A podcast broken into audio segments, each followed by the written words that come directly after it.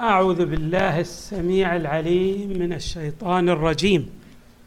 بسم الله الرحمن الرحيم والحمد لله رب العالمين والصلاة والسلام على أشرف الخلق سيدنا ونبينا محمد وآله أجمعين الطيبين الطاهرين.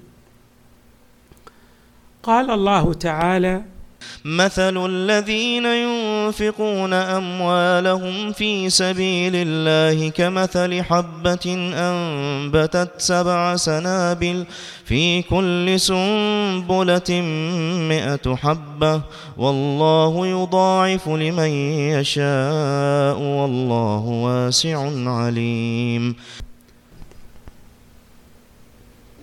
آيات متعددة في القرآن الكريم. تحض على الإنفاق في سبيل الله.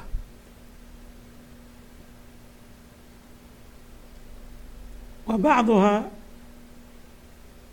تجعل هذا الإنفاق قرضا يقدمه المنفق يقرضه الله تعالى بمعنى أنه يعطي الله قرضا. ولعل في هذا التعبير أهمية كبيرة للإنفاق في سبيل الله تعالى. وتبين الآيات أن الاستثمار الحقيقي للمال هو في إنفاقه في سبيل الله. يعني من أراد أن يربح كثيرا. عليه أن ينفق جزءا من أمواله في سبيل الله. والأنبياء والرسل وبالخصوص المصطفى صلى الله عليه وآله ضربوا أروع الأمثلة في الإنفاق في سبيل الله. وقد وصف النبي صلى الله عليه وآله بأنه أجود من الريح المرسلة في إنفاقه في سبيل الله تعالى. طبعا نحن نعلم بأهمية المال وأن المال يشكل عصب الحياة بمعنى أنه لا تستقيم الحياة من ناحية إلا بالمال. ومن ناحية ثانية أن الناس يتفاوتون في قدراتهم وبالتالي هناك من تتوافر لديه الظروف وتسهل لديه الأمور فيستغني أو يكون بالأساس من عالي من عائلة ثرية. فالمال بين يديه متوافر. وهناك من تعاكسه الظروف أو يكون من عائلة فقيرة وبالتالي تصعب عليه أمور الحياة. فكيف يستطيع المجتمع أن يعيش بوئام الطريقة المثلى للمعيشة بوئام بين أفراد المجتمع تتأتى من خلال الإنفاق في سبيل الله لأنك بذلك تقضي على مكامن الحقد والحسد والأسى في لدى الفقراء. فيرون أنه يعني ما أن ما يحتاجونه من المال يتوافر لديهم. وهذا لا يتأتى إلا بالإنفاق. ولهذا جعل الشارع المقدس الإنفاق بعضه واجبا كالزكاة والخمس وبعضه الآخر مستحبا. وهو الصدقات العامة غير الواجبة. إذا للإنفاق أهمية كبيرة في تسهيل ومرونة العجلة الاقتصادية من ناحية وفي جعل المجتمع يعيش الوئام والأمان من ناحية أخرى وهناك نقطة جد هامه هي أن الكمال المعنوي للإنسان أيضا يتأتى من خلال الإنفاق. يعني أن الإنفاق يسهم اسهاما كبيرا في كمال الإنسان من الناحية المعنوية. وكي نوضح هذه الحيثية لا بد أن نلتفت إلى أن طبيعة الإنسان يعيش الشح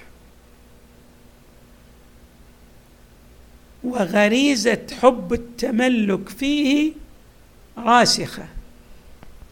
بمعنى أنه يريد أن يهيمن بنحو أكبر وأكثر على المال.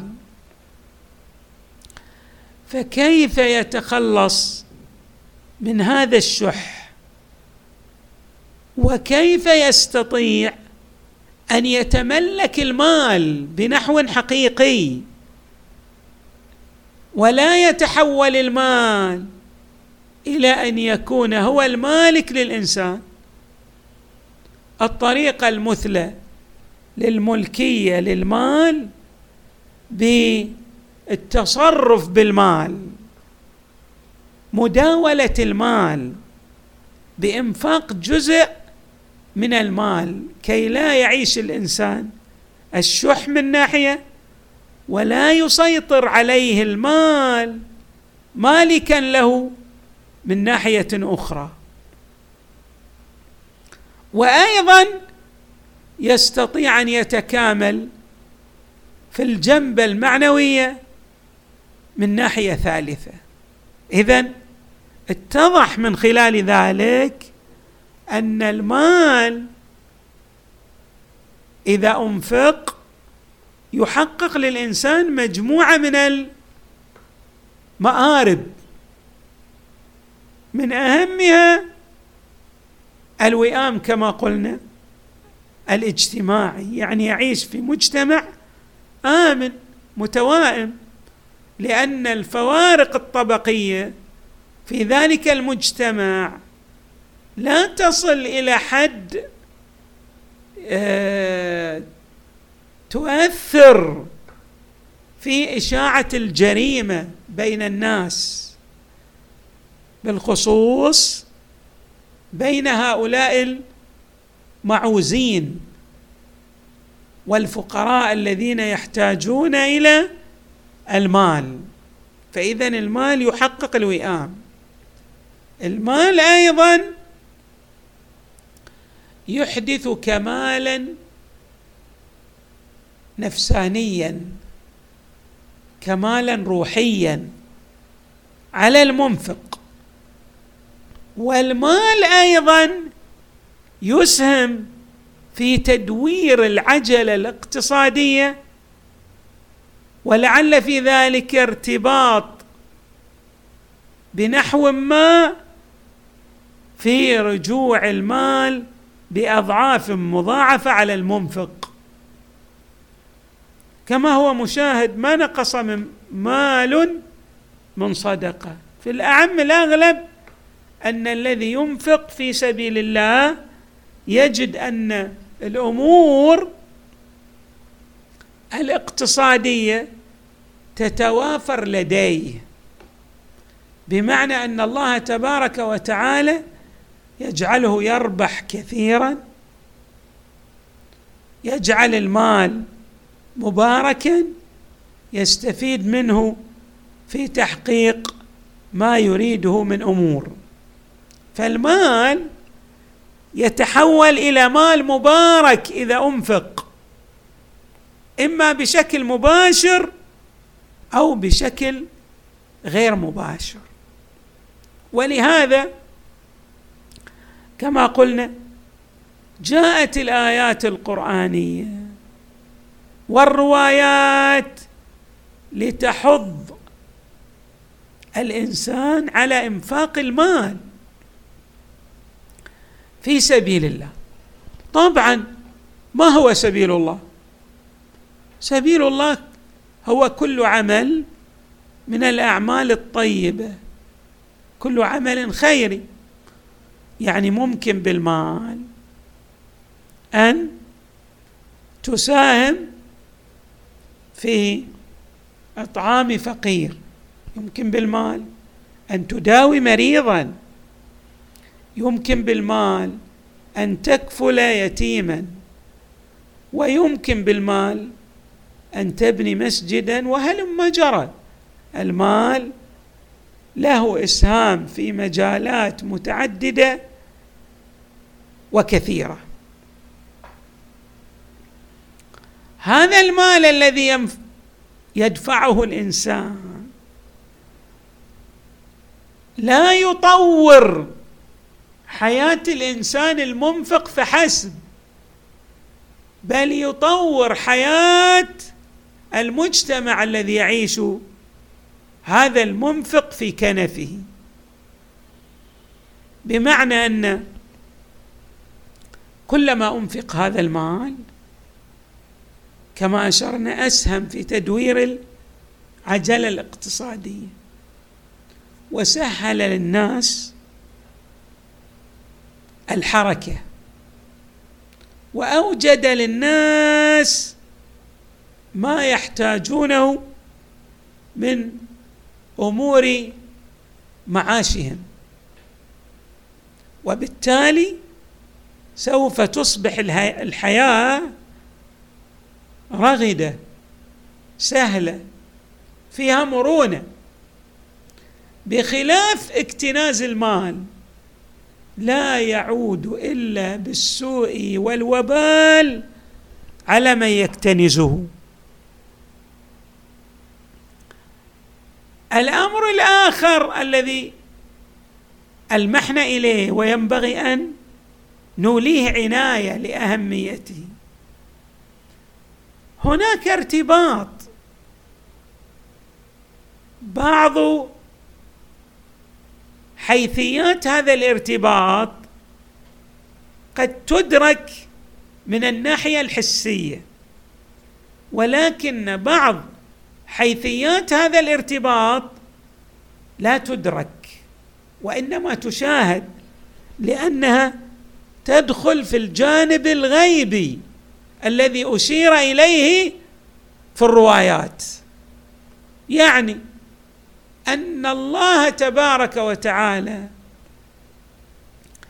تكفل بسعة الرزق للمنفقين ووعد بذلك وأفصح عنه في الذكر الحكيم. كما في هذه الآية. الآية ماذا تقول؟ كمثل حبة أنبتت سبع سنابل في كل سنبلة مائه حبة. والله يضاعف لمن يشاء. يعني ليس فقط أن يتضاعف المال سبعمائه مرة بل هناك مضاعفة للمال. وحتى أوضح ذلك طبعا هذه ظاهرة الآية في مضاعفة المال. ولكن ليس فقط انعكاس إنفاق المال على الجانب الاقتصادي في تطوره فحسب. بل كما أشرنا الجانب المعنوي بل وأيضا صحة الإنسان. الإنسان يجد أن الله تبارك وتعالى عندما ينفق يرزق يرزقه الولد الصالح. عندما ينفق يرى توفيقا آخر في أعمال الخير الأخرى. بمعنى أن هذا الإنفاق يجره إلى عمل طيب وحسن آخر. الخير يجر بعضه بعضه الآخر. ولهذا عندما نقول كمثل حبة أنبتت سبع سنابل يعني ليس فقط أيضا في النمو المالي والاقتصادي للمنفق بل أيضا في صحته على نسله ولعل هذا يعني لا يعود عليك بالخير فقط في حاضرك بل في مستقبلك من ناحية الذرية بل في توفيقاتك في أعمال الخير التي قد لا تخطر على بالك.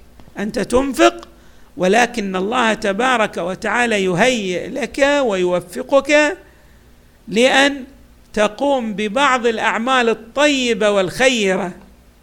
وما كان ذلك يتأتى لولا الإنفاق في سبيل الله.